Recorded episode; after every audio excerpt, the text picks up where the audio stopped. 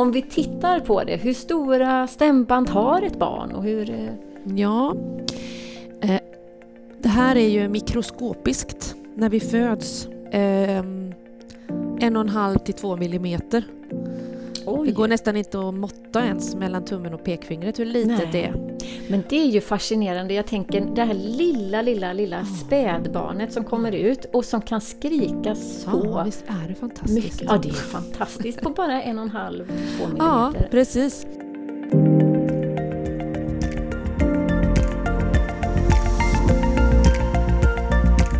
Välkommen till Sångfokuspodden! Podden i serieformat som tar upp sång, röst och hur vi använder den. Här får ni träffa mig, Helene, som är sångpedagog och musiklärare och mina expertgäster. Det här är en podd som undersöker och vrider och vänder på olika sångområden som jag tycker är intressanta. Allt för att inspirera till att använda sången tillsammans med livet. Sången i livet och livet i sången. Välkommen till Sångfokuspodden och det allra första avsnittet av Barnsångsserien som är den första serien i Sångfokuspodden. Så det är lite dubbelt firande här idag. Och jag tänkte börja med att presentera de här avsnitten och de här fantastiska gästerna som du kommer att få möta i de här avsnitten. Vi kommer att prata om pedagogisk verksamhet och hur vi kan använda oss av sången och musiken som ett verktyg för att skapa ännu mer kunskapsinhämtning. Och inte minst hur vi kan jobba med det ur ett specialpedagogiskt perspektiv. Och vi pratar om röstanatomin, vi pratar om barnens röster och vi pratar om våra vuxna röster och hur vi behöver anpassa oss för att möta barnens sångbehov. Och vi pratar om forskning, alltså den där forskningen som är så himla intressant. Och vi pratar också om pedagogiska tips. Hur kan vi tänka och vad skulle vi kunna göra för saker för att både öka vår egen sångförmåga men också skapa förutsättningar för en härlig och underbar sångverksamhet tillsammans med barn. Jag hoppas att du som lyssnar både är proffset som sjunger jättemycket och som sjunger mycket med barn men också att du är den som varken vill eller känner att du kan eller att du får lov. För att här kommer vi möta fantastiskt ödmjuka gäster och samtal där vi pratar om varför det har blivit så här för ganska många människor där de inte har känt sig inkluderade. Och vi pratar också om hur vi kan göra för att komma ur det och hur vi kan jobba för att skapa inkludering. Men jag hoppas också att du är pedagogen som är nyfiken och som vill lära dig mer och som vill få nya perspektiv på det här med pedagogisk verksamhet och ett nytt och härligt och inspirerande verktyg att arbeta med. Vår första gäst Lina logoped, eller Lina Bjarnegård Karlsson som hon egentligen heter, som bor i Göteborg. Henne kommer jag presentera mer alldeles strax, för henne kommer ni få möta redan idag. Men kommande avsnitt kommer att innehålla samtal med Gunnel Fagius, Sveriges stora stjärna på barnsångshimlen.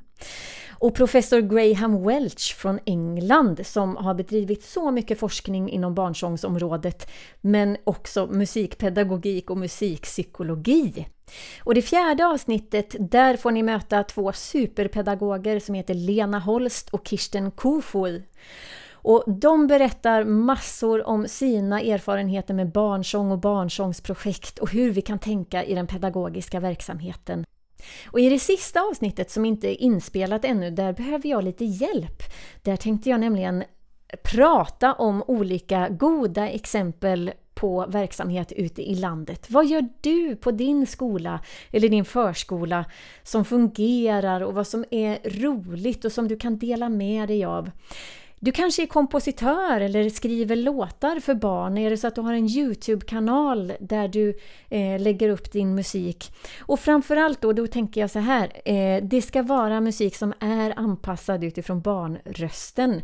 Alltså mellan sena vill jag helst ha exempel på. Så berätta om det du gör och det du skapar. Och det här kan du skriva om i en post som jag lägger upp på Fe- Sångfokus Facebook-sida och på sangfokus.se SEs Instagram-sida.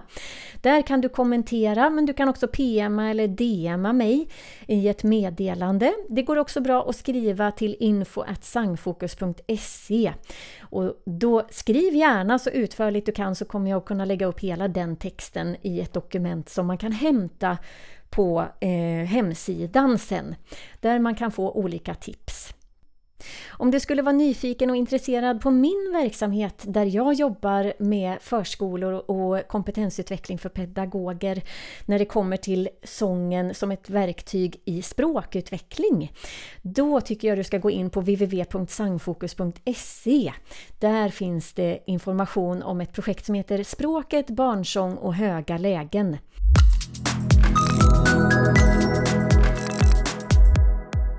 Linalogoped.se är Lina Bjarnegård Karlssons hemadress, åtminstone på webben. I verkliga livet bor och jobbar hon däremot i Göteborg. 2006 blev hon legitimerad logoped och sedan 2008 har hon jobbat med röst på olika sätt i egen regi. Det går inte att ta miste på Linas passion för rösten när man träffar henne. Och som hon säger själv, rösten är så mångbottnat, inget kan beröra så som den. Därför är den också något att vårda och ta hand om extra mycket och som en ska förstå hänger ihop tajt med ens identitet. Ni kommer att märka vilket brinnande och sympatiskt engagemang som Lina har för både stora och små röster i det här samtalet. Och vi får också chans att prata om hennes jobb på den öppna förskolan Tilliten som drivs av stiftelsen Bräcke Diakoni. Där möter hon barn med funktionsvariation och deras föräldrar. Genom musik och sina kunskaper inom logopedi så skapar hon nya vägar för kommunikation med barnet. Det kan vara barn som är i väntan på diagnos, barn vars föräldrar är oroliga för barnets utveckling eller att barnet har en sjukdom som medför anpassningar i vardagen. En öppen förskola i dess allra finaste mening. En plats dit alla kan komma och dit alla är välkomna. Hon musicerar själv, främst i körsammanhang och just nu ligger engagemanget i den kör som hon driver tillsammans med sin man Mikael, vokalensemblen Lux. Sången och körsången har präglat hela Linas uppväxt och vuxna liv. I sin logopedverksamhet möter hon allt från amatörer till proffs som har olika svårigheter med sina sångröster som ett led i att talrösten inte helt är i form. Hon ger också lektioner i rörfonation för den som är intresserad av det. Hon är också en väldigt inspirerande föreläsare och hon föreläser bland annat på teaterutbildningar men hon är också mentor och föreläsare i det nationella projektet Rösträtt, sång på förskolan som du kanske har hört talas om. Och om du jobbar på förskolan kanske du till och med har haft besök av Rösträtt. Och Rösträtt är ett projekt som är en del av Sjungande barn Lina föreläser också om röstpsykologi och det här är ett så spännande och intressant ämne som ni kommer att höra henne prata mer om alldeles, alldeles strax. Och innan det här samtalet sätter igång så skulle jag bara vilja förtydliga lite grann att vi pratar väldigt generaliserande om kvinnostämmor och mansstämmor eller röster. Och det är inte säkert att du känner igen dig nödvändigtvis i de här beskrivningarna och det är ju absolut inget fel i det. Utan det är bara det att vi pratar om det vi möter för väldigt många. Och nu är det äntligen dags. Nu hälsar vi Lina varmt välkommen till podden.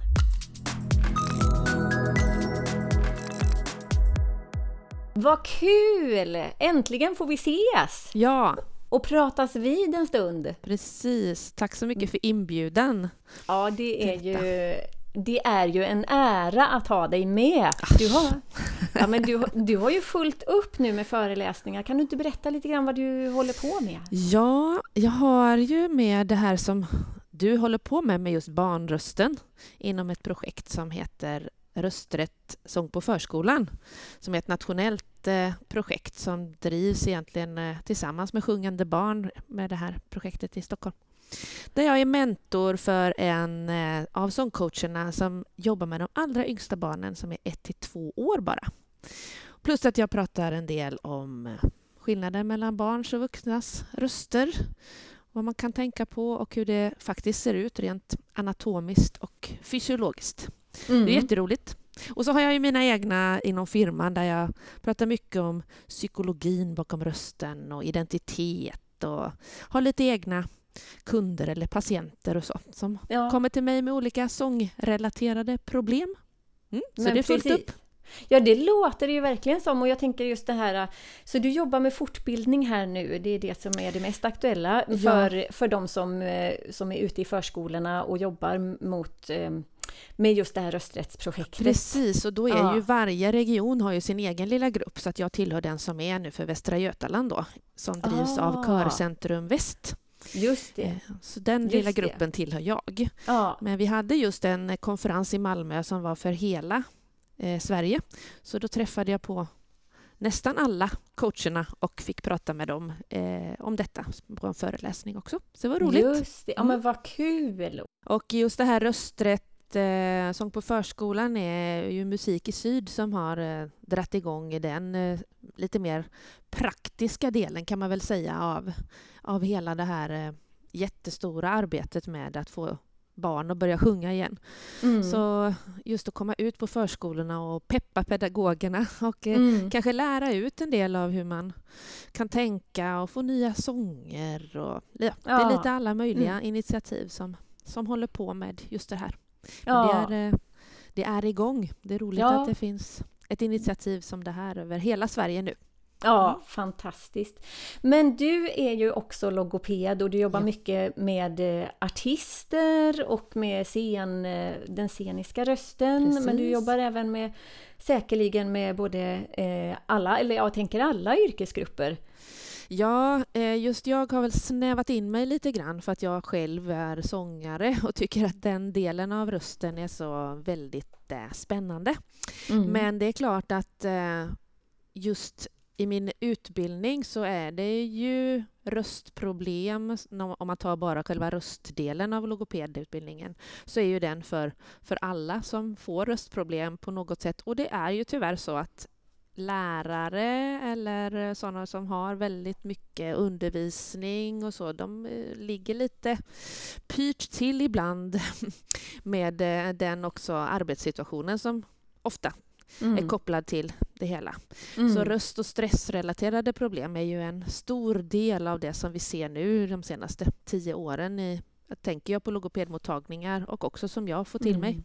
Mm. Ehm, så det är ju förstås alla. Och när det gäller till, till barnen så är förhoppningsvis att de inte har så mycket röstproblem och det är lite, ännu. Eh, det finns några stycken som får det när de är när de är små. Men eh, där är det ju mycket det här med arbetsmiljön förstås, också med mm. stora barngrupper, mycket ljud och buller och sådär. Men också att man lär dem att hantera lite sina röster i stora grupper. Och mm. Då kan ju till exempel sång vara ett bra sätt att jobba på för man kan sjunga tyst till exempel. Så kan man över, oh. översätta det till talrösten till exempel. Ja. Så det finns mycket att jobba med där. Ja men precis, vilket bra tips det, ja. det var. Det får vi ta upp igen här ja. sen så vi verkligen poängterar det. Nej men jättefint! Ehm, du, jag vet ju också att du jobbar på... Ehm, du har lite annan verksamhet också i... Ja. Eh, ja kan du inte berätta om tilliten? Det ska jag gärna Och, göra. Jag är ju anställd också på en stiftelse, en non-profit organisation eller företag som heter Bräcke Diakoni. Och där har jag de senaste åren drivit lite olika projekt för att det är, är, sånt som det är lite lättare att söka pengar för idéer och så som man får. Och då hade vi en för flera år sedan som, som var eh, att eh, starta öppen mötesplats eller öppen förskola för familjer där barnen har funktionsvariationer eller sjukdom eller väntar på diagnos och sådär. Och nu har det hållit på i fem år ungefär och jag är den som arbetar där. Och då träffar jag ju små barn, främst 0 till 6 år, med funktionsvariationer av olika slag. Det är allt ifrån Downs syndrom och CP-skada till eh, NPF, alltså ADHD, autism. Eller de väntar på diagnos eller har sjukdomar som gör att de inte kan umgås med barn i stora grupper eller gå på förskolan och så. Och då är ju det här med både alternativ kommunikation, till exempel tecken eller bilder eller att man använder mycket mer ljud och, och så för att hitta samspel, men också sång eh, som en del av kommunikationen som jag använder mig jättemycket av för att hitta just det här med de här barnen som inte reagerar kanske som vi är vana vid att vi har läst att barn ska göra när de, Mm. när de är små. Mm. Så det, och sång är ju en, eh, faktiskt en eh, noterbart eh, stor och viktig del för att få fram kommunikation hos en del barn. Det Oh. är lättare att gå andra vägar till att hitta samspelet och leken och, och så. Kontakt Mm. och så. Så det gör jag ju varje vecka. Eh, tre gånger i veckan. Vad jag. härligt att Mm. höra att den, att den verksamheten finns och att just du är där. Kan, finns det några sådana här exempel från verkligheten som du skulle vilja dela Ja, med dig har av? ju, eh, jag arbetar ganska mycket med rytminstrument och så när jag jobbar och har en ganska stor trumma. Den är så stor så att det, barnen kan liksom ligga under den. Och om jag då träffar eh, till exempel ett barn som är på väldigt tidig utvecklingsnivå, alltså att man har stannat kanske vid spädbarn fast man är två år, då eh, är det ju en sån här grej att man kan lägga barnet under trumman och Mm. så får den känna på vibrationerna som blir när man, man trummar. Och då hade jag en familj där som sa att nej men vi har, hit, vi har in, hon kommunicerar inte. Och då Nej. tänker ju logopeden att nej, så kan man inte säga. Nej. utan utan då, då la jag den här trumman på henne och trummade försiktigt. Och, Ja. Så att de, vibrationerna fick kännas liksom i hela kroppen på en större yta. Ja. Och då kom det minsann lite ögonrörelser och lite wow, vad var det där? Så det är super, superroligt. Och sen har jag ju ganska många barn som, som lär sig tecken till exempel när de sjunger. De sitter gärna länge och tittar och är inte med så mycket. Så sen efter en stund när man har slutat då kommer det lite att de visar vilka tecken som Ja, var med i sången ja, precis ja. eller sådär. Så att det finns, eh, det är väldigt olika beroende på vilken eh, nivå som barnen Ja. själva är på. Ja. Men Mm. nog är det varje vecka någonting som, som händer när, när, Ja. när barnen kommer. Ja, och det, där, det sista som du berättar om. Jag, är, jag jobbar ju inte bara i Sångfokus verksamhet, jag är ju också mellanstadielärare. Numera har jag också årskurs 3. Men Mm. det där tycker jag man kan se ibland eh, hos elever att de betraktar. Mm. Och att ibland kan det vara så här att man har två lektioner när den här eleven kanske väljer att inte delta egentligen. Men den tredje gången så, så kommer det där, precis så som du beskriver, att det kommer i efterhand eller det kommer... Och det gäller att vara så öppen för det där och Ja. gripa de där halmstråna som man får för det, det är ju någonstans en ingång som vi har möjlighet att, att påverka. Verkligen. Verkligen. Och det kan man tänka på om man också märker till exempel att det finns lite sen motorik kanske, Mm. eller man vet inte riktigt på vilken nivå barnet befinner sig, eller att det helt enkelt är en, om man säger betraktare, eller kanske lite högkänslig, eller vad det Mm. nu kan vara, att man Mm. behöver ha lite längre tid.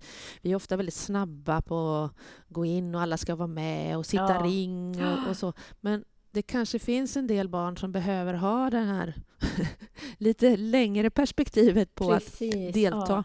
Ja. Ja. Och det har jag haft eh, en del barn. De har inte alls velat sitta tillsammans med mig runt trumman och, och vara med och spela och teckna och sjunga på mina sångsamlingar. Utan Nej. de har suttit i ett hörn men varit superaktiva. Suttit där och tecknat och sjungit och applåderat Ja. och så. Och det får också vara precis bra. ja. För då är de ju väldigt mycket med. Även om de inte Precis. sitter med. Ja. Det är ju en himla skillnad att vi måste sitta i ring. Det kanske inte... Vi kanske får gå ifrån det lite, att man måste Mm. sitta i ring. ja, men precis. ha samling. Eh, ja, så det kan man absolut tänka på. Ja, nej, men jag tänker det där är ju inte, om vi, vi ser det, det här med att vara inkluderad och känna att man Mm. tillhör ett Mm. sammanhang. Mm. Men jag tänker det är många människor som inte har känt sig inkluderade i sångverksamhet eller liksom i skolan, Mm. att man inte har fått lov att vara med kanske eller att någon har kommit med kommentarer. Det tänker jag, det möter jag elever idag, alltså då menar jag kanske vuxna sångelever Ja. som är kanske i 18-årsåldern som också berättar om ganska, alltså då är det ju inte så många år sedan som, ja men kompisarna sa någonting eller att man, att man är lite känslig för, för just den där liksom kommentaren och som har gjort då att man har liksom slutat sjunga. Jag tänker vi kommer prata mycket om det i den här serien. Mm. Och jag hoppas ju, min, min tanke med hela den här serien är ju att alla ska känna att man är inbjuden att lyssna. Även om man känner att sång inte är för mig. Jag har liksom, nej jag har ingen talang överhuvudtaget mm. och det är inte min grej. Men att, att man ändå kan känna sig inspirerad för att mm. det finns Ehm, det finns ganska liksom förklarliga skäl till varför man kan känna så, tänker jag. Och det möter ju säkert du också. Du, du, som du säger, du jobbar ju också med musikerhälsa eh, och artister och, och så eh, i ditt jobb som logoped. Men jag tänker, det, det finns så mycket inre hinder när det kommer till rösten och med sången som jag tänker kan vara så viktig. Och jag tänker just precis det där som du beskrev, att man kan delta på så många olika sätt. Eh, och alla är inte i fas samtidigt nödvändigtvis, inte ens i sång. Nej. Så att jag, jag, tänker det, det ska vi prata mer om mm. här. Men jättefint hur du beskriver den här verksamheten verkligen. Mm. Men eh, jag är ju lite nyfiken på dig. Hur blev det? Hur, ja, men hur blev liksom ja. det här röstintresset så stort? Och sången har ju... Du sjunger ju väldigt mycket också. Ja, Alltså man får väl ändå säga att jag är, uppvuxen som så många andra inom kyrkan så där finns ju en, eller fanns, jag vet faktiskt inte hur det är nu för tiden, men det fanns ju en väldigt stor både barnverksamhet och sångverksamhet och alltid funnits i min familj och släkt så det kom liksom naturligt med att musicera och musicera tillsammans. Mm. Så det har aldrig varit eh, en eh, någonting som har egentligen varit en fråga att det skulle finnas, utan sången framför allt har alltid funnits, och en del instrument och så förstås. Och sen så gick jag i Brunnsbo musikklasser här i Göteborg och sen så har jag fortsatt att sjunga i kör framför allt. Det är mitt element. Har jag ska inte säga att jag har avverkat så väldigt många, men jag har sjungit i många körer och också hoppat in och mycket projektkörer och så.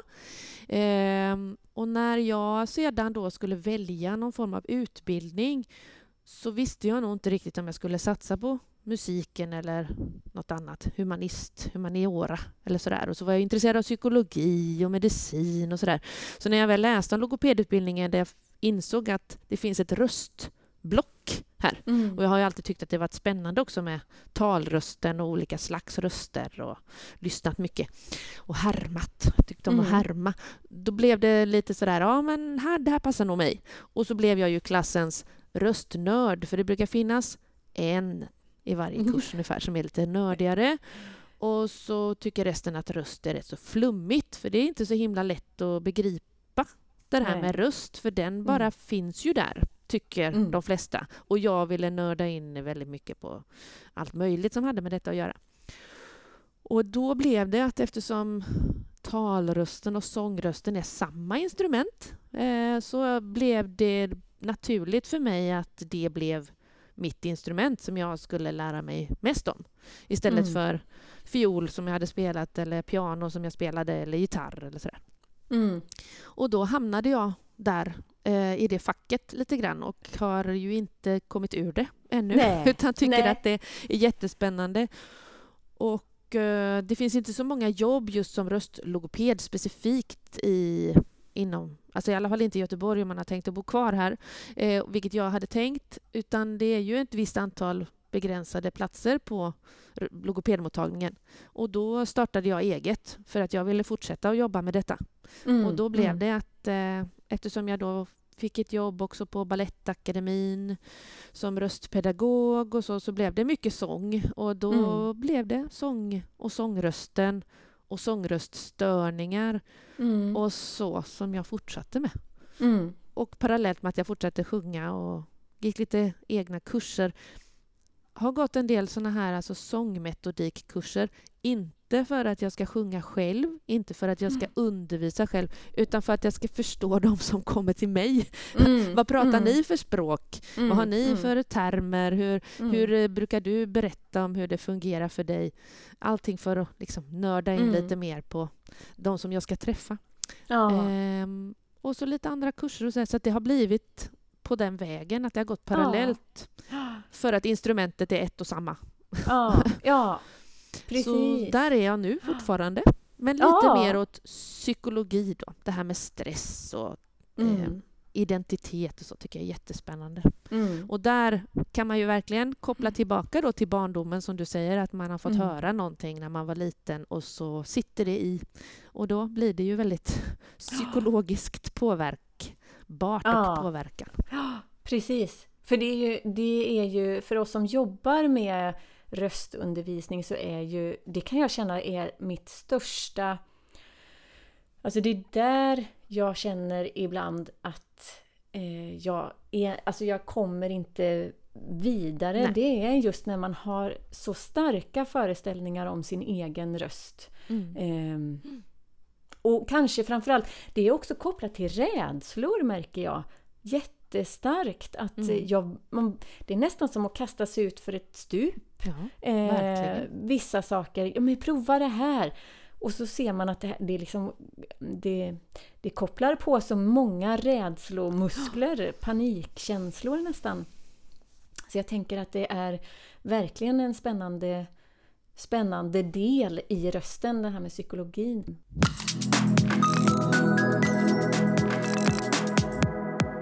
Men du pratar lite grann om röststörningar. Kan inte du berätta lite grann vad är röststörningar eller sångröststörningar?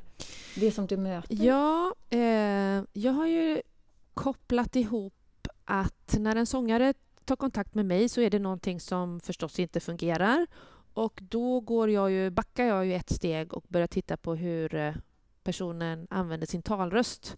Mm. Eh, de brukar säga jag kommer inte upp på de här tonerna eller det här. Jag, ja, det kan vara svåra saker. Om man då förstås inte har fått stämbandsknutor eller något så- sånt där Mm. som är alltså en överansträngning som till slut har vi, visat sig som en, ja, en typ av skada på stämbanden Mm. Som man måste arbeta med. Men då, eh, då tittar vi på talrösten och ser vad är det du gör när du pratar. Hur Mm. låter det när du pratar? Ligger du i rätt röstläge? Pressar du för mycket, alltså att du eh, trycker på Mm. för mycket och du har för Mm. mycket luft? Eh, vad det nu skulle kunna vara för någonting som gör... Eller ganska ofta, hur mycket använder du din röst? Vilar Ja. du tillräckligt? Mm. Mm. Eh, hur mår du? Är ju en Mm. sista fråga man alltid kan ställa sig. Eller om det finns andra. Mm. Ja, det kan ju finnas allergier eller medicinska andra åkommor som gör att röst, Mm. rösten inte vill fungera som den ska. Mm. Ehm, så själva röststörningarna, ibland är det jättetydligt att man ser, alltså man kan gå Mm. ner och filma på stämbanden och se, här är det någonting som har blivit eh, skevt, så att du har Mm. fått en utväxt eller två på, på dina stämband. Mm. Men ibland så är det ju att man inte hittar någonting. Man undersöker och undersöker och man inte hittar något och då får man börja leta i, på andra ställen. Ja. och då Mm. kan det ofta vara kopplat till kanske hur man, hur man mår mer. Ehm, och det mm, finns ju jättemånga olika sorters eh, åkommor som man kan ha eh, runt sina stämband. Men Mm. just stämbanden i sig, om man nu ska prata om dem, gör ju bara som vi låter dem eh, göra. Eh, Mm. Så ofta får vi ändå börja gräva mycket i andra slags spänningar i, runt om strukturerna. Mm. Eller eh, arbetsbelastning, arbetsbörda, eh, Mm. sömnproblematik. Ja, det, det Mm. Ganska mycket saker som kan påverka hur, hur vi låter.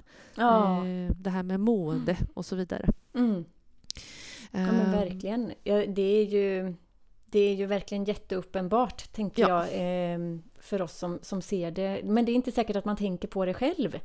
Absolut inte. Det kan Mm. vara väldigt eh, gömt bakom en massa skydd också förstås. Att man, är, Mm. man tänker jag har alltid låtit så här till Ja. exempel.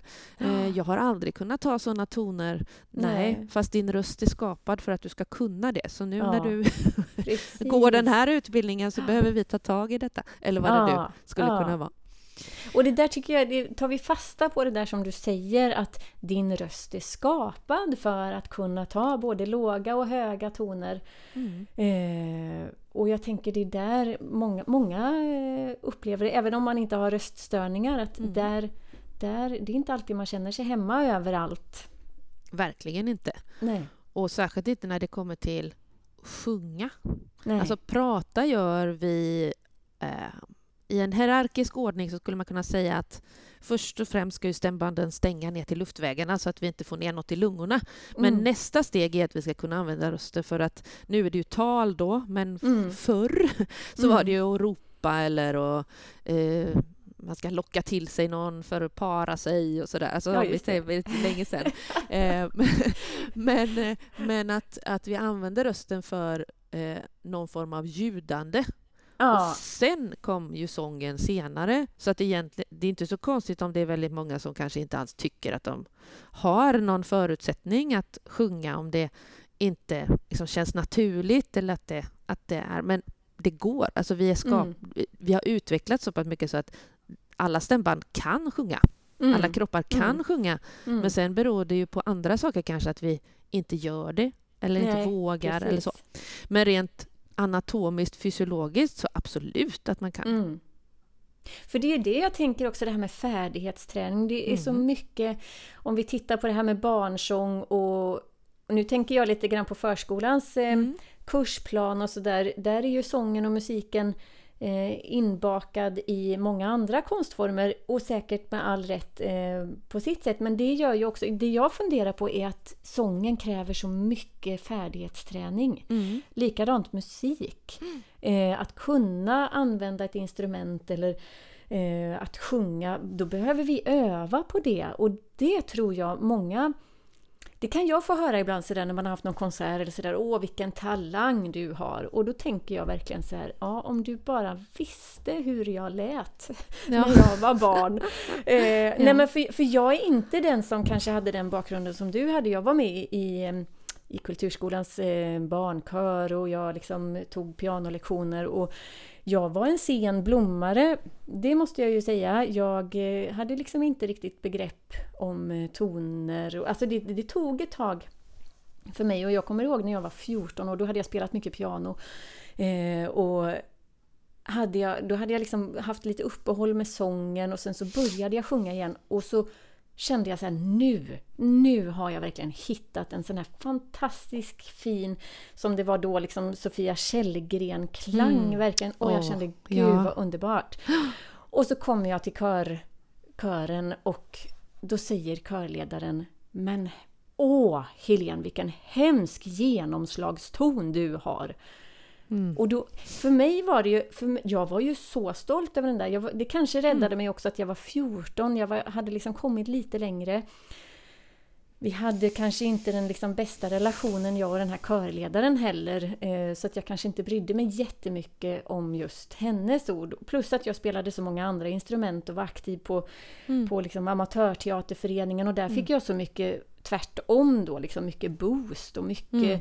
uppmuntran. Så att just de där orden, de tog inte riktigt, men jag har tänkt mycket på det där att jag har ju...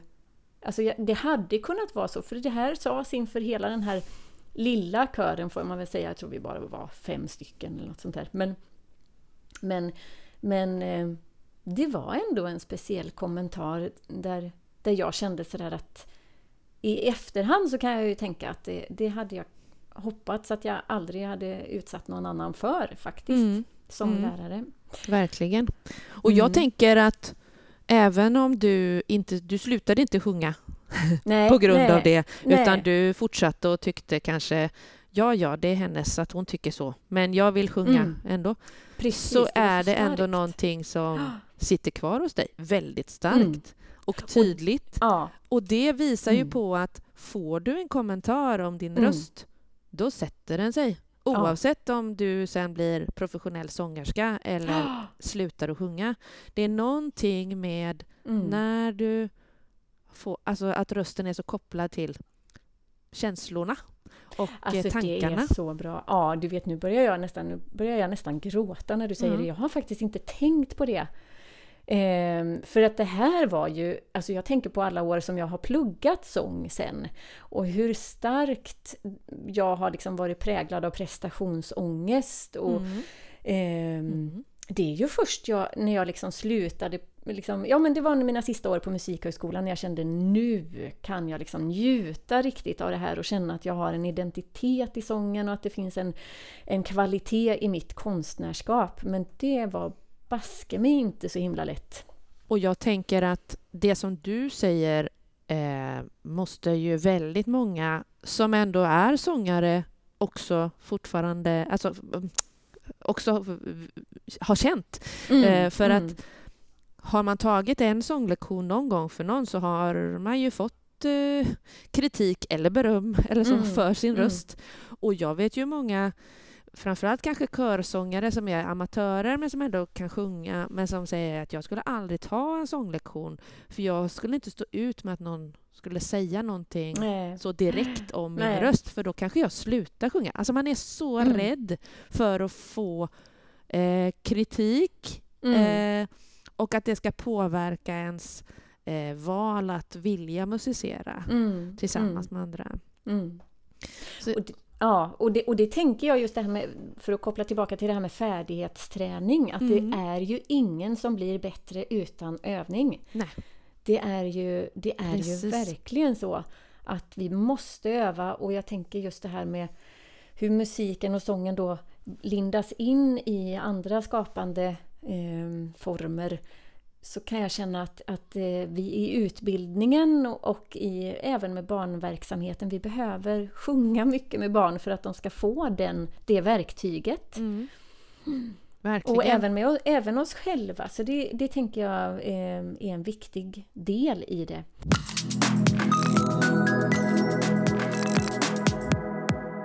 Då tycker jag att det har blivit dags för oss att sjunga lite grann och testa våra röster tillsammans.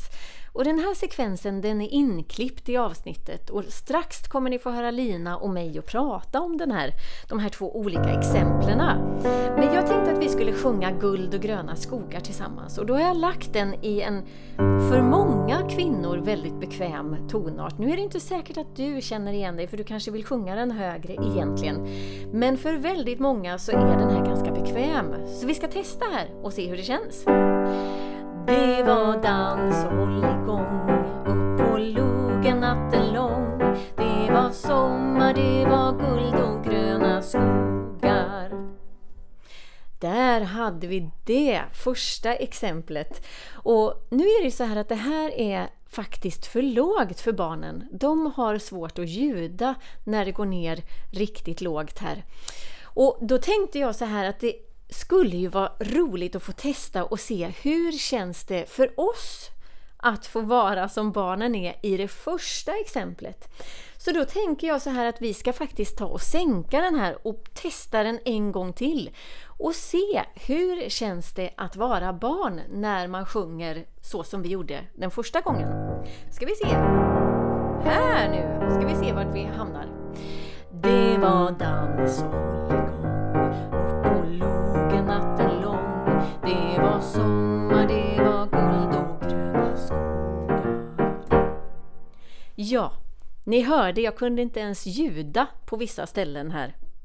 Vad, vad kan vi säga det? Guld och gröna skogar i ett bekvämt kvinnoregister. Ja, Ja, så skönt. Ja, precis. Eh, när det kommer till barnsång här. Ja, alltså... Här får man ju börja prata lite grann om eh, lite termer i hertz och eh, Ja. svängningar. Ja. Och då är det så att eh, vi alla vet och kan höra att eh, barn har mycket ljusare röster än vad vi vuxna har. Och sen är, finns det ju en stor skillnad också för, mellan oss vuxna. Och om jag kan tänka mig det som, som var eh, ditt, di- ditt andra, din andra inspelning när du skulle Mm. sjunga den som eh, vi skulle behöva sjunga den fast för barnens skull då, eller i barn, Mm. barn, så som barnen uppfattar det, så blir det ju på tok för lågt. Det är ju Ja, rätt så uppenbart. Eh, och det finns en fin eh, bild som jag har sett eh, och det är att vi skulle ju aldrig ge ett barn en vuxencykel om de ska lära sig att cykla. Det hade Nej. inte gått. Om vi tänker på den här gamla Astrid Lindgren, Lotta på Bråkmakargatan, Mm. så får ju hon kraschar ju med den stora cykeln. Och det är väl lite Mm. så som det blir även om kraschen inte hörs lika väl. Mm. Att ger vi då ett barn en tonart som är alldeles för låg, då blir det det här brummet Mm. eller entoniga som, som eh, inte jag tror att någon som hör det faktiskt skulle säga att de sjunger Nej. Eh, utan ehm, vår, vår uppgift där är ju att försöka att hitta en tonart som, som är eh, bra för barnen och så får vi anpassa oss eftersom Mm. våra röster Mm. är då lite mer tränade till att förhoppningsvis stretcha ut sig Ja, eh, och sjunga lite ljusare. precis. Och precis. när, när man tänker eh, eh, barnens röstlägen så, så vi har, eh, vi har ju ett ganska eh, lite samma röstläge. De flesta kvinnor det snurrar runt på några ja, det byter några lite ljusare eller lite mörkare. Och den skillnaden finns inte riktigt hos, på samma sätt hos barnen utan det blir först när de går in i puberteten och förändrar rösterna helt eh, Mm. med målbrottet och så. Det är först då som man får den här stora, liksom stora skillnaden mellan barns olika röster. Men den är inte stor när de är små. Nej. Vilket gör att det egentligen borde vara ganska mycket enklare att bara sätta en tonart som funkar för alla barn och som Mm. är rätt så ljus. Mm. Um, medan vi kanske tycker att jag är sopran eller jag är allt eller så, att man vill ha lite olika. För att bara visa på om vi skulle, nu ska jag inte göra det här i mikrofonen, det kommer låta så starkt, men om vi skulle tala i samma röstläge som barnen talar i, då skulle Mm. vi kunna prata fem sekunder Mm. och det skulle vara jättestarkt. För att Ja. det blir som att vi måste, alltså vi måste ta Ja. i väldigt Ja. mycket. Inte ens i den här, inte den här, det är inte den här Nej. rösten som vi Nej. pratar. Nej, Eller- precis. Utan det är ju i en fullröst liksom. Mm. Mm. Och om vi skulle prata i den rösten, då Mm. blir det, jag brukar ta det exemplet ibland på föreläsningar, då blir det Mm. den här hysteriska läraren i klassrummet som inte Just står det. ut längre. Just det. Ja. Som vrålar nu får ni vara tysta, eller nu får ni, Mm. fast hela tiden. Ja. Och det är ju inte, det är inte heller en... Alltså om man drar dem till sin spets åt olika håll så blir det verkligen Precis. så här, ja vi måste verkligen hålla oss i, i våra lägen. Ja. Men när vi sjunger, som ju är Mm. då är en, en onaturlig del Mm. av vad vi gör alltså, eh, och väldigt svårt, Mm. så behöver vi anpassa oss för att barnen ska kunna hänga med. Mm. Och där är ju, kommer vi tillbaka till det här psykologiska då, att det är väldigt många som inte tycker att de kan sjunga i det Mm. läget. Mm. För där behöver vi ju sjunga kanske, vi kan inte sjunga med den starka rösten som de Nej. har. Utan då måste vi ju kanske sjunga i Vinka lilla stjärna. Alltså då måste sjunga Ja. den här lilla rösten. Och det är kanske många som inte ens vet att den finns. Nej, det möter de jag har ibland. den. Det De har har jag aldrig mött tränat, ibland. apropå färdighetsträning igen. Mm. De har aldrig tränat med den. Jag Nej. har inte den, säger de. Jo, det har. Precis. Nej, för det möter jag ibland, eh, både när jag har jobbat mot förskolor eller ute och fortbildar eller ifall jag eh, har elever. Det är inte alls ovanligt att, att jag får den kommentaren att jag visste inte ens att jag hade de här, den här rösten. Nej. Ehm, och då är ju det ändå en del i en talröst, tänker jag Ja, också. absolut. Det hör man ju på mig och dig när vi pratar att den finns ju liksom, kommer ju små fragment här och var. Och där är det ju väldigt flexibelt men man tänker kanske inte riktigt på det. Men, nej men, och det tänker jag, jag jobbar ju med lite äldre barn, det är också Mm, viktigt att komma mm. ihåg. När de börjar komma upp i 10-11 års åldern då börjar det ju ändå bli ett skifte vid vissa toner och då kommer, får man liksom jobba med det lite mer medvetet. Att nu Ja. sjunger vi med vår ljusa röst och nu sjunger vi med, med den mörkare Ja, rösten. precis. Typ, så, att man får, Och jag tänker så på när det är eh, de här små barnen så har ju inte de den distinktionen i sina röster alls. nej. Och de har inte heller det kritiska tänkandet kring sin röst utan nej. de bara gör. Ja. Alltså alla barn bara gör fram till en viss ålder. Jag vet inte när den infaller, när vi börjar tänka på hur vi låter eller tänka på att det är på Mm. olika sätt. Utan det springer ju ur någon slags eh, känslor. Man vill Mm. bara sjunga eller man vill vara med och nu gör vi det här och man tänker inte så mycket på det. Utan det finns liksom naturligt i alla små att göra, bara Mm. göra. Och då är det ju det här att vi som är vuxna behöver ju vara förebilder där och också ja. göra Ja. för att de ska få uppleva eftersom de inte har några, de har inga erfarenheter av hur det, hur det går till eller Nej. hur det kan vara eller tyst och starkt eller högt och lågt eller massa sådana där saker. Mm, mm. Så att påvisa de sakerna redan när de är små, fast vi vuxna ska göra det, det, är ju, det känns som en sån viktig del av ja. hela sångglädjen. Att inte begränsa att det plötsligt finns ett tak eller ett stopp. Att nej, nu, nu gör vi inte mer eller det här, det här kan vi inte göra. Eller så. För det är ju det som barnen lär sig då. Ja. Ja precis, det är ju det här med signaler. Vad signalerar mm. jag som vuxen? Är det så att jag är väldigt kritisk till mig själv men ändå säger du kan, du är, vågar, det mm. låter så fint, det är så mm. härligt. Eh, alltså det är inte säkert att de, de, det är det de, de eh, snappar upp. Precis. De ser hur vi reagerar och hur vi, hur vi ser på oss själva ja. när det kommer till prestation. Precis.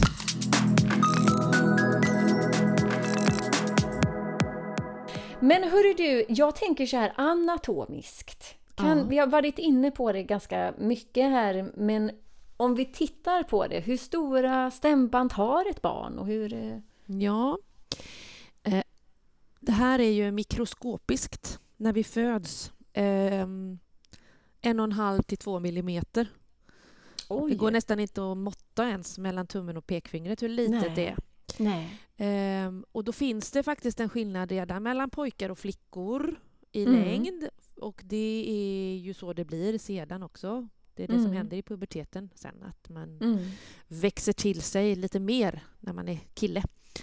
Ehm, men eh, det växer ungefär noll, en halv millimeter lite mer hos killar per år sen. Mm. Men det är ju fascinerande. Jag tänker det här lilla, lilla, lilla oh. spädbarnet som kommer mm. ut och som kan skrika så ja, visst är det fantastiskt? Mycket. Ja, det är fantastiskt på bara en och en halv till två millimeter. Ja, precis. Så att det är tur att inte de växer så som vi växer i övrigt. Det hade ju blivit mm. väldigt besvärligt med jättelånga stämband. Men det är ju det att de är mm. ungefär som gummiband och kan stretchas och då göra väldigt stora ljudskillnader sedan när mm. vi lär oss hantera det och också när vi är barn förstås. Eh, men de är pyttesmå och de är sköra. Och när, de är, när vi är spädbarn och jättesmå nästan inte använder dem mer än bara till att förmedla våra olika skrik så, mm. så, så är det ju det som vi lyssnar efter. Men om man tänker, om vi kopplar ihop det med, med, med emotionen så är, är det ju så som vi förmedlar oss när vi är spädbarn. Det är ju mm. med vår röst. Vi skriker när vi är hungriga eller trötta eller behöver byta blöja kanske. Eller så. Mm. Och det sitter ju kvar sen. Mm. Eh, med att det är, rösten är emotionell. Eh, mm. och så det är ju ända från starten kan vi säga. Och anatomiskt också och fysiologiskt så fungerar den ju bra för nog är det några som kan skrika väldigt mycket och väldigt högt och väldigt länge. Mm. Det är ju de små. Mm. Så att vi gör ju rätt från början med våra mm. kroppar i förhållande till våra stämband.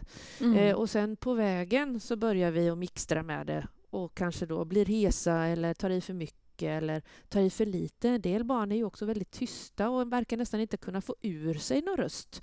Mm. Det pratar vi inte så mycket om som de här högljudda, för det är ju de som man behöver dämpa för, man får, mm.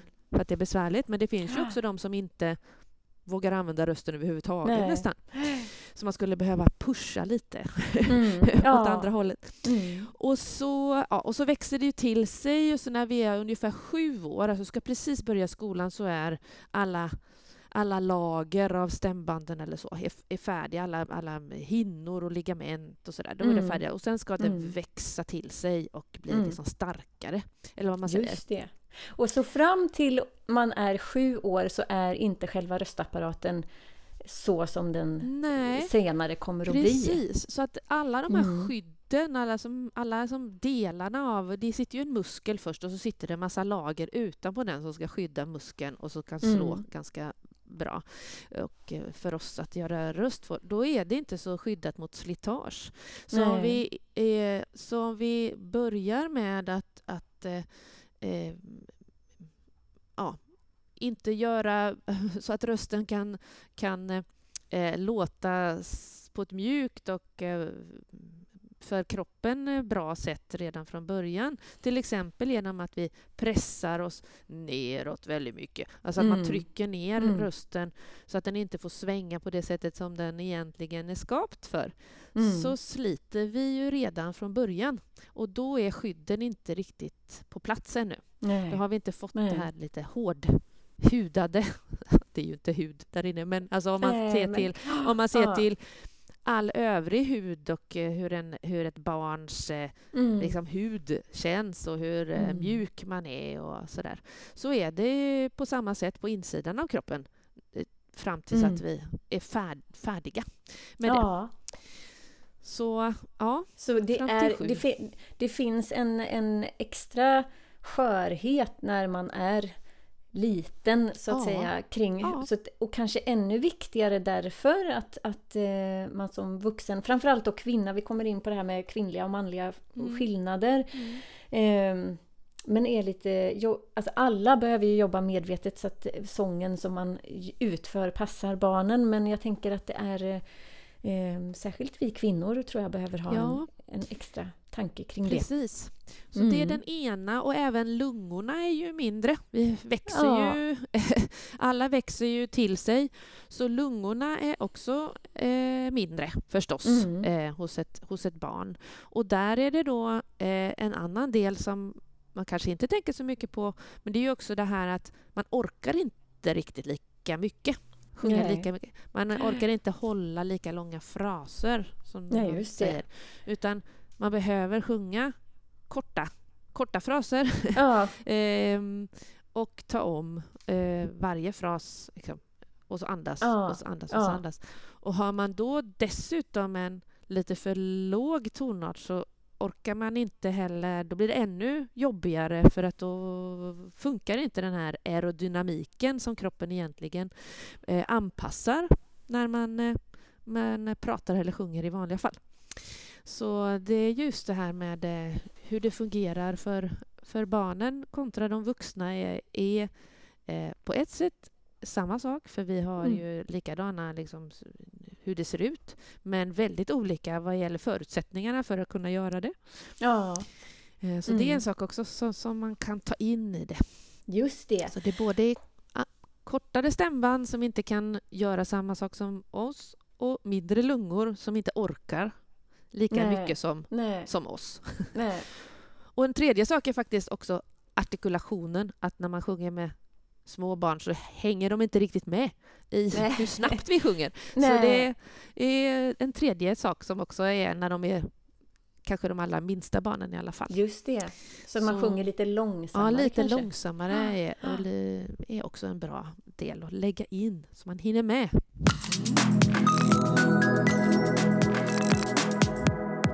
En fråga som jag ofta får är ju ifall det är någon skillnad på pojkar och flickor, alltså innan puberteten. Eh, ska vi tänka att vi ska sjunga lägre med pojkar och högre med tjejer? Eller vad säger du kring det? Eh, Jag hade den här diskussionen precis när jag var i Malmö med en, Ja. en eh, som sa jag håller inte med dig. Ja. Och då är det att eh, vi pratade om att man inte kan höra skillnad på pojkar och flickor när de är Mm. barn för att det, Mm. är, det är först i puberteten egentligen eller för puberteten som man börjar kunna höra att det finns en skillnad i, i, i det för att man till slut ska in och det ska växa till sig där i målbrottet. ja. Men då tyckte den här eh, personen att eh, det visst går att höra när de är små också. Och då så har jag funderat lite på det sedan dess. Mhm. Ehm, och där finns det ju, precis som jag sa där, att det är faktiskt redan en skillnad i stämbandslängd när de föds, pojkar och flickor. Mm. Mm. Pojkarna har redan från början lite längre stämband än vad flickorna har. Eh, vilket gör att det säkert går att urskilja något om man är riktigt skarp då kanske Ja, redan när de skulle är små. Mm. När de är Fast små. man, man måste vara ganska kalibrerad tror jag, för Absolut. att det är inte helt enkelt. eh, Nej. Men, men eh, jag skulle säga att eh, annars överlag när, när man tänker ehm, eh, tonhöjd Mm. alltså vad man ska lägga det för tonarter eller hur man ska sjunga, så är det ju inte skillnad Nej. Att vi behöver tänka någonting på att ja, den här ska vi ha två toner lägre för att det är en pojke på sju år. Mm. Och en flicka på sju år kan inte sjunga. Nej, nej. det skulle jag inte säga är någon, eh, någonting det är, att fästa nej. sig vid. Nej men precis, så att i praktiken så behöver vi inte ta hänsyn till ifall det är pojkar eller flickor som sjunger utan vi kan tänka samma där. Vi behöver ha, ha ljusa lägen upp till en viss ålder eh, för båda. Ja. Helt enkelt. Ja. Men vuxna män och kvinnor då, mm. för då mm. tänker jag så här när vi sjunger med barn. Mm. Vi var, var, lite inne på det förut eh, och jag kommer prata mer om det i, senare i serien också. Men just kvinnor. Mm. Vi har, vi, eller jag tänker så här, vi kan ju gå igenom lite grann, vi har ju olika register som ja. det kallas. Eh, och det handlar ju lite grann om form och tjocklek eh, på stämbanden när, mm. vi, när vi ljudar. Vi har de mm. här kraftfulla tonerna i botten där stämbanden är, är ganska... Eh, dels är de ju tjockare, eller vad säger jag, kortare, men också tjockare och lite bulliga nästan. Medan här uppe när vi pratar så här ljust så är stämbanden mycket tunnare. Mm. Och där har vi också en väldigt tydlig, jag, jag har elever som kallar det för tröskel. Det ja. känns som en tröskel att gå över och då mm. helt plötsligt så upplever de inte kanske, för de som är ovana sångare så kan det till och med vara så här, det där är inte min sångröst. Det där är inte, alltså för, för det kan vara så stor skillnad mellan de här. Ja. Eh, och, och det är ju ett dilemma för många kvinnor för att många sånger, eh, det är ju inte så att vi bara har fem Eh, nej men nu överdriver jag väl kanske med fem, sex toner att sjunga på. Utan, och det är likadant för barnen också, att där, när de börjar bli lite äldre så behöver de också lära sig att, att eh, det finns flera register. Men det jag upplever är ju att kvinnor har en, en, liksom, en tröskel som vi upp, Alltså som vi ofta får gå över när vi sjunger en sång som är 8-9 toner. Ja. Eh, det är ju väldigt sällan jag bara sjunger en sång som börjar här nere och sen så går man upp då 6-7 toner, mm. 8 kanske, mm. och klarar av att ta det i samma register. Mm. Utan man mm. behöver växla lite snabbare. Mm. Men medans män då kan sjunga åtta toner utan problem i mm. samma fullröst. Vad har du för tankar Jobbigt. kring det? Ja, precis lite. Ja. Där är det lite annorlunda mm. fast de har lägre röster än vad vi kvinnor har. Det kan ju tyckas lite förbryllande, men så är det. De har inte någon skarv i eh, det läget som vi kvinnor har som vi sa runt tonerna kanske F, G, A som är mitt i mm. barnens sång röstläge. Utan de har eh, en hel och lätt och enkel mm. väg framför sig för att de delar omfång med barnen. Bara att de har det i en annan oktav förstås. Mm. Så män har därför lättare att sjunga med barn i den tonarten som barnen gillar att sjunga. Mm. Eh, däremot så kan det vara svårt om barnen försöker härma starttonen hos männen för då blir det ju för lågt, alltså de börjar en oktav för lågt. Mm. Så då kan det vara bra om män lär sig ändå hantera sin falsett så att de kan visa hur man ska göra starttonen på ett ljust sätt så att barnen hamnar i sin röst på rätt ton. Eh, och sedan kan man fortsätta att sjunga tillsammans. Ehm, så där eh, har männen på ett sätt en fördel med eh, själva barnsångsdelen. Att de har redan en ganska enkel väg in att sjunga tillsammans i, eh, med rätt omfång för barnen. Medan vi kvinnor behöver träna oss på kanske den ljusa rösten. Om det är så att vi har den här skarven eh, som ligger mitt i eh, omfånget som barnen helst sjunger i. Och vad är det då för röstläge som passar barnen? Ja, generellt så kan vi säga så här att under många år så ska vi hålla oss mellan C. Alltså C, D, E, F, G, A, B, C. Där har vi alla toner som barn har ganska lätt att ta. Och är det så att vi gör för mycket djupdykningar så kommer de ha svårt att skapa de här ljuden helt och hållet.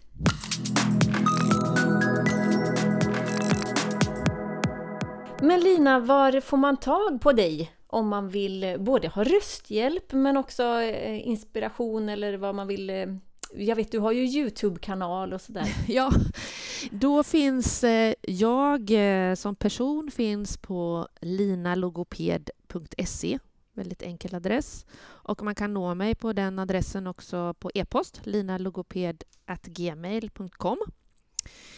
Och om man vill se lite på mina teckensångsvideos som ligger då via Tilliten på Youtube så går det bra att söka på Öppna förskolan Tilliten. Då kommer man till våra teckensångsvideos. Och det finns också en hemsida på bräckidiakoni.se.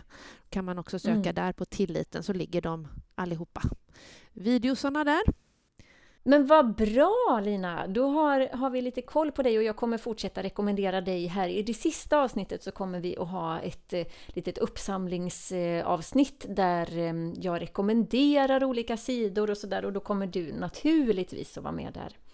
Eh, och ja, Tillitens Youtube-kanal som jag tycker är alldeles fantastisk oavsett om man gillar tecken, eh, teckensång eller ifall det är eh, bara för sångens skull. Ja, precis. Ja.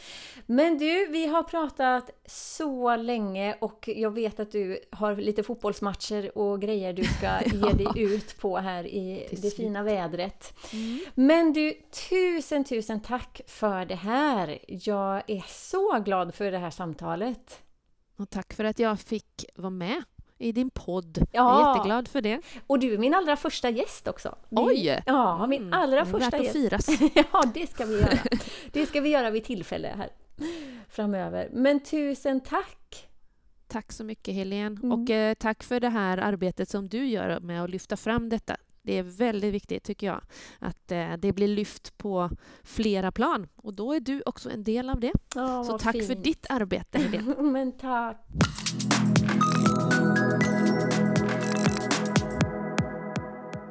Och stort tack för att du har lyssnat idag.